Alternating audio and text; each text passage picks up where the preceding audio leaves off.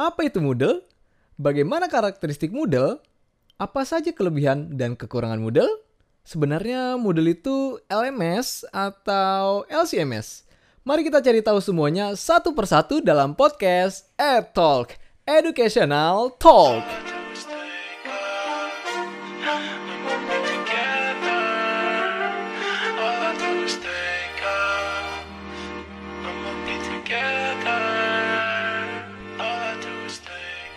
Sebelumnya perkenalkan nama saya Pamiluto Arya Yudhistira. Saya di sini mewakili teman-teman saya dari tim 3 mata kuliah Design E-Learning pada Teknologi Pendidikan kelas A tahun 2017. Di sini kita akan membahas salah satu sebuah platform di dunia pendidikan yang bernama Moodle. Sebelumnya teman-teman udah pernah dengar belum? Apa itu Moodle? Gimana sih bentuknya Moodle? Sebenarnya Moodle itu untuk apa sih? Yuk, mari kita cari tahu dalam podcast EdTalk, Educational Talk.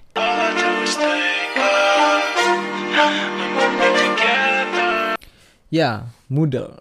Basically, Moodle itu sebenarnya singkatan dari Modular Object Oriented Dynamic Learning Environment.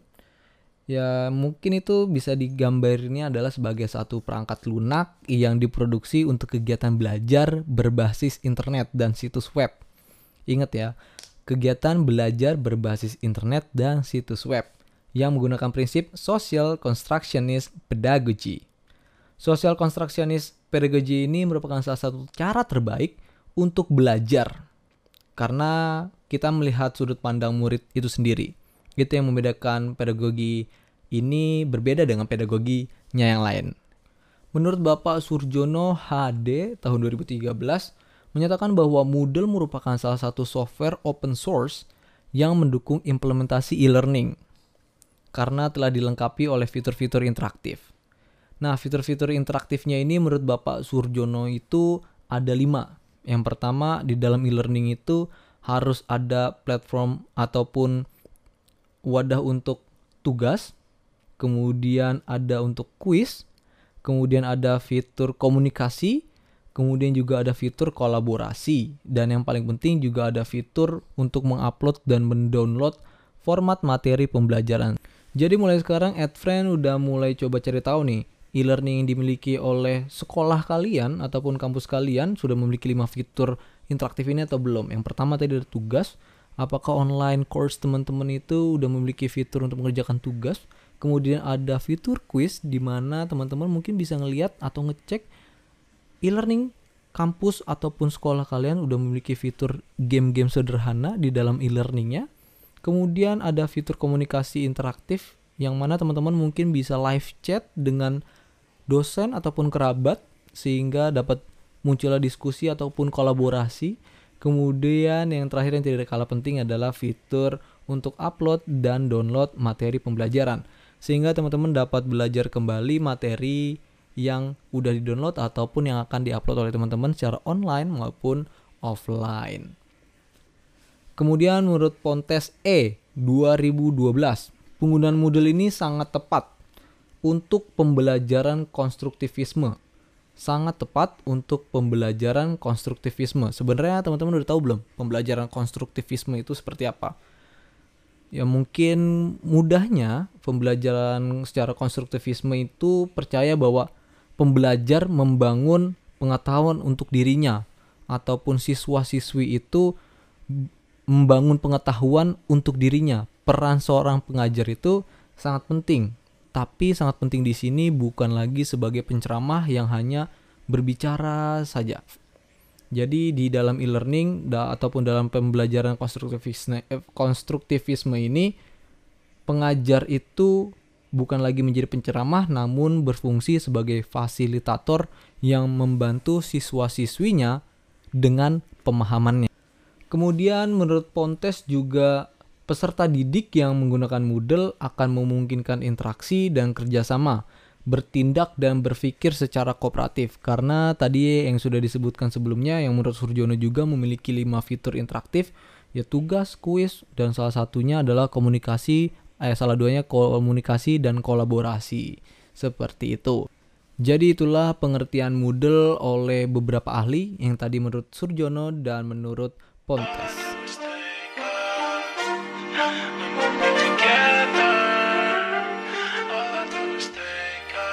Ya, kembali lagi bersama saya di Ad Talk Educational Talk. Hello, Ad friends. Ad friends. Hmm, menarik. Kayaknya bagus Ed Friends buat panggilan teman-teman yang ada di sini. Kita pakai Ed Friends mulai dari sekarang ya. Well, Ed Friends, kali ini kita akan membahas sebenarnya Moodle itu masuk ke dalam LMS atau LCMS. Sebelum kita lebih jauh, kita harus tahu dulu sebenarnya LMS itu apa dan LCMS itu apa secara garis besarnya. LMS. LMS itu Learning Management System. Biasanya itu bisa disebutin atau digambarkan sebagai perangkat lunak untuk perencanaan, pengiriman, pengelolaan suatu kegiatan pembelajaran. Biasanya pembelajaran yang dilakukan adalah pembelajaran online. Jadi ini LMS itu adalah sebagai kurang lebih ya rumahnya lah, seperti itu. Sedangkan LCMS, Learning Content Management System, itu merupakan pengembangan lebih lanjut dari LCMS. L, maksud saya pengembangan lebih lanjut dari LMS.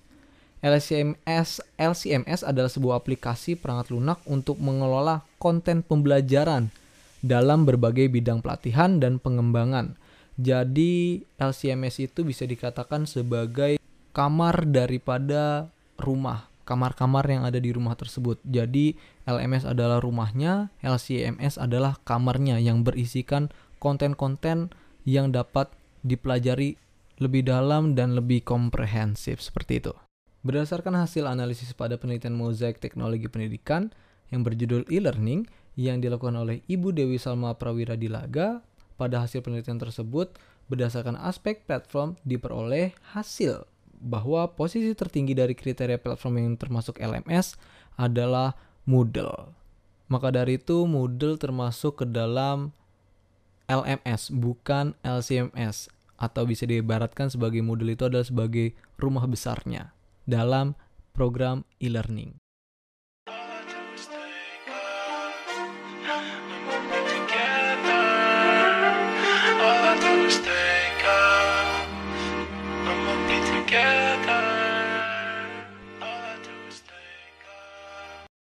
Selanjutnya kita akan membahas tentang karakteristik dari Moodle, apa saja karakteristiknya? Mari kita cari tahu bersama.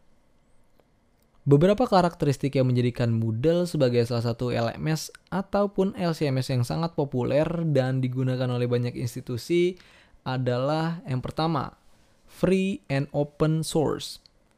Di sini maknanya Moodle berada di bawah naungan open source atau bisa dikatakan gratis dan dapat dikembangkan ataupun dimodifikasi sesuai dengan kebutuhan oleh penggunanya.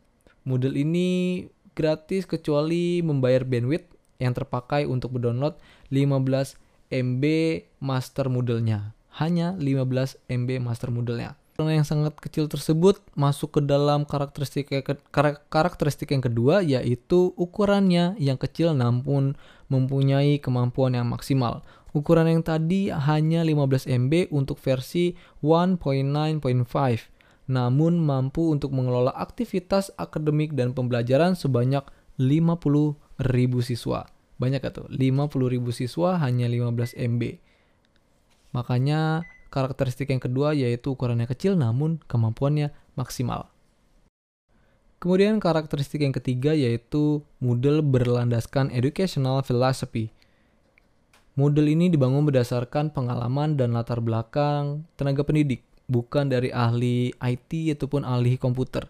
Sehingga Moodle ini dipandang sebagai salah satu solusi khususnya di abad 2021 seperti ini.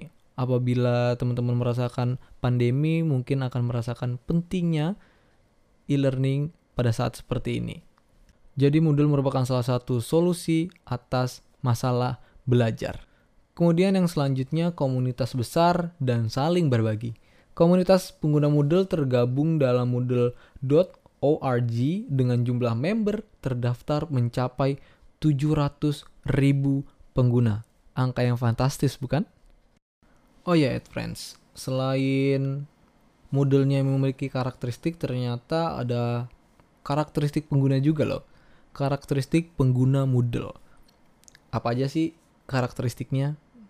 Mari kita Mari kita cari tahu. Yang pertama itu ada administrator. Ya seperti pada umumnya admin yang memiliki kuasa penuh terhadap semua akses di dalam Moodle yaitu administrator.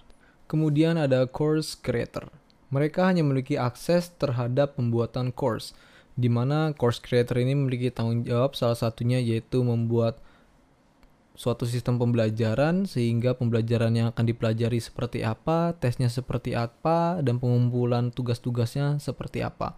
Itu salah satu dan beberapa tugas daripada course creator seperti itu. Kemudian yang ketiga ada peran teacher atau karakteristik teacher. Perannya sama seperti guru pada umumnya, mereka memiliki akses terhadap materi yang akan diajarkan, pemberian tugas, kuis, dan nilai. Jadi course creator tersebut sudah membuat ruangannya dan teacher ini menggunakan atau memanfaatkan ruangan tersebut dengan menggunakan materi, memberikan tugas, memberikan kuis, serta memberikan nilai yang tidak dimiliki aksesnya oleh course creator. Selanjutnya yang keempat yaitu ada karakteristik non-editing teacher. Pengguna ini hanya memiliki akses untuk course dan menilai siswa, namun tidak dapat memberikan tugas kuis, atau yang lainnya. Kemudian yang kelima ada karakteristik student. Mereka adalah user yang memiliki akses terhadap course dan peran mereka seperti siswa pada umumnya, yaitu melakukan enrollment ataupun daftar terhadap mata pelajaran ataupun mata kuliah yang ingin dipelajari pada tugas yang sudah diberikan ataupun mata kuliah yang sudah dianjurkan seperti itu. Kemudian ada guest user yang karakteristik yang keenam ini, mereka adalah user yang hanya bisa melihat isi dari modul tersebut. Mereka tidak memiliki akses apa pun, mereka hanya dapat melihat-lihat isi modul tersebut. Tidak dapat belajar di dalamnya, hanya melihat secara umum interface daripada modul tersebut. Dan karakteristik pengguna modul yang terakhir yaitu authenticated user, yaitu merupakan semua user, semua user yang telah teridentifikasi melakukan akses telah teridentifikasi melakukan akses ataupun telah daftar terhadap sistem Moodle. Dan itulah karakteristik Moodle dan karakteristik pengguna Moodle. Jangan ke mana-mana, tetap di eTalks, Educational Talks.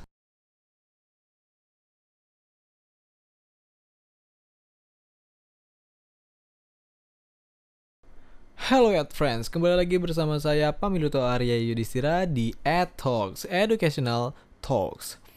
Ya, setelah berapa lama tadi kita sudah membicarakan mengenai Moodle, apa itu Moodle, bagaimana karakteristik Moodle, bagaimana karakteristik penggunanya Moodle. Terus juga tadi kita sudah membahas tentang sebenarnya Moodle itu masuk ke dalam LMS ataupun LCMS sih. Dan sekarang kita punya materi yang tidak kalah menarik yaitu apa saja kelebihan dan kekurangan Moodle.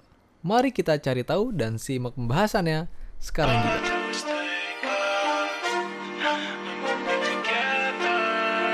Pertama-tama kita akan membahas kelebihan daripada Moodle itu sendiri. Yang pertama, Moodle itu bebas pengguna. Bebas pengguna di sini maksudnya adalah bebas mengunduhnya, bebas menggunakannya, beda bebas memodifikasinya dan bebas mendistribusikannya.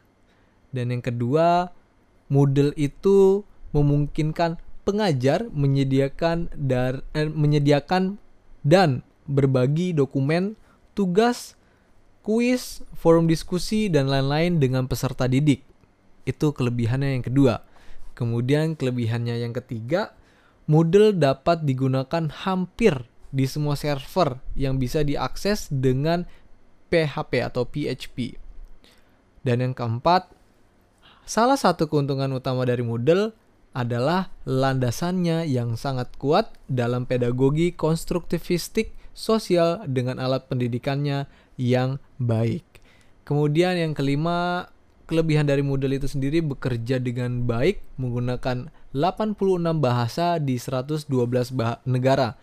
Di sini mengartikan bahwa Moodle ini sangat proper untuk digunakan oleh beberapa negara, mungkin salah satunya adalah Indonesia. Kemudian yang kesembilan, Moodle merupakan implementasi dari penggunaan OSS dalam menciptakan lingkungan e-learning berkualitas tinggi. Kemudian yang ke-10, kredibilitas yang sangat tinggi. Saat ini ada 5.000 52.289 situs web dari 193 negara yang telah mendaftarkannya. Angka yang fantastis bukan? Kemudian kelebihan selanjutnya adalah Moodle berjalan tanpa modifikasi pada Unix, Linux, Windows, macOS, NetWare, dan sistem lain yang mendukung PHP.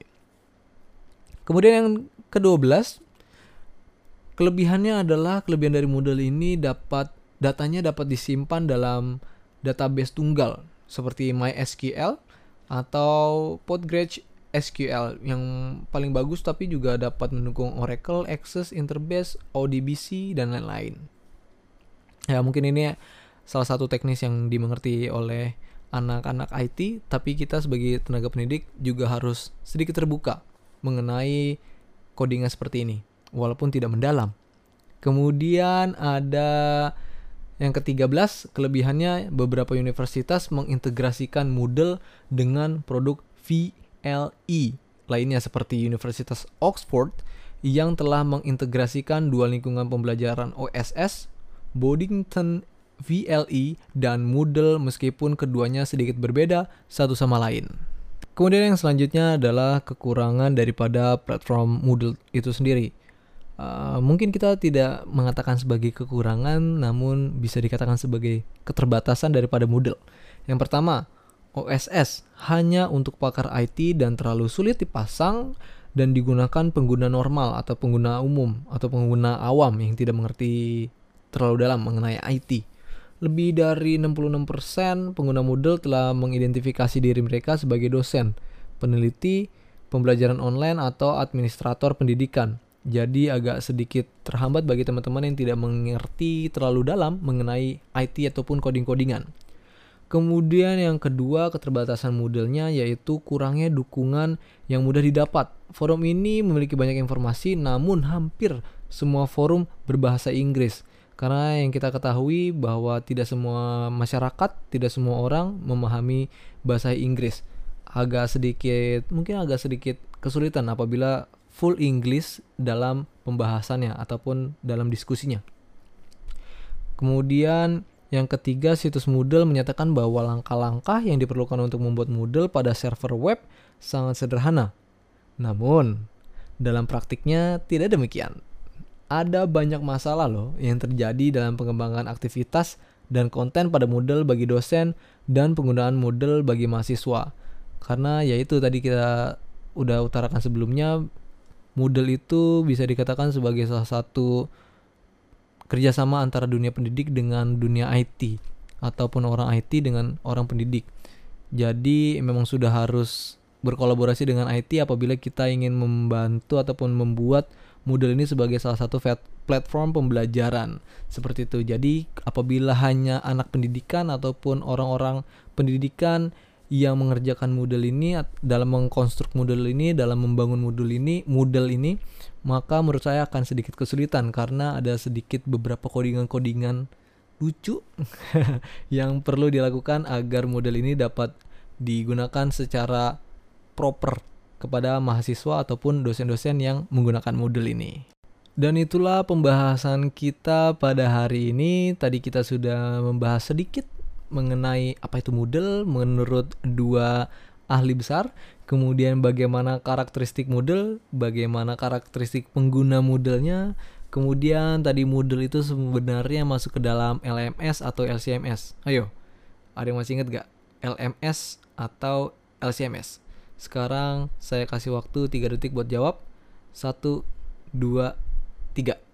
Yes, buat teman-teman yang menjawab LMS, Anda tepat. Kemudian tadi kita juga sudah membahas mengenai kelebihan dan kekurangan Moodle. Buat teman-teman di sini mungkin ada yang kurang mengerti IT, mungkin dapat kita belajari bersama-sama karena tadi ada beberapa bahasa-bahasa yang menurut saya itu sangat teknis dan sangat IT yang mungkin tidak dapat teman-teman konstruk sebagaimana mestinya. Dan di sini juga menjadi pelajaran bagi saya bagaimana menjelaskan hal tersebut menjadi sederhana dan dapat dipahami oleh teman-teman semua. Maka dari itu saya ucapkan terima kasih banyak kepada teman-teman semua yang sudah mendengarkan podcast L Talks ini. Semoga Talks ini dapat berguna dan bermanfaat kepada teman-teman semua karena Talks ini akan membahas beberapa materi-materi lagi yang lebih menarik terkait dunia pendidikan dan problematika pendidikan di dunia. Dan saya Pamiluto Arya Yudhistira pamit undur diri. Sampai berjumpa di episode selanjutnya di EdTalks, Educational Talks.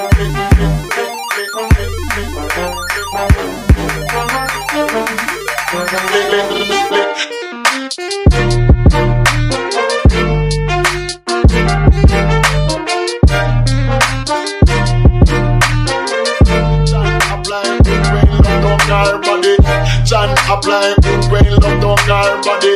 John apply hook when love body. John apply good when love down her body. John apply when love body. She attack to me, and me attack to she. But the day is coming that we must be personally. She attack to me, and me attack to she. But the day is coming that we must be personally.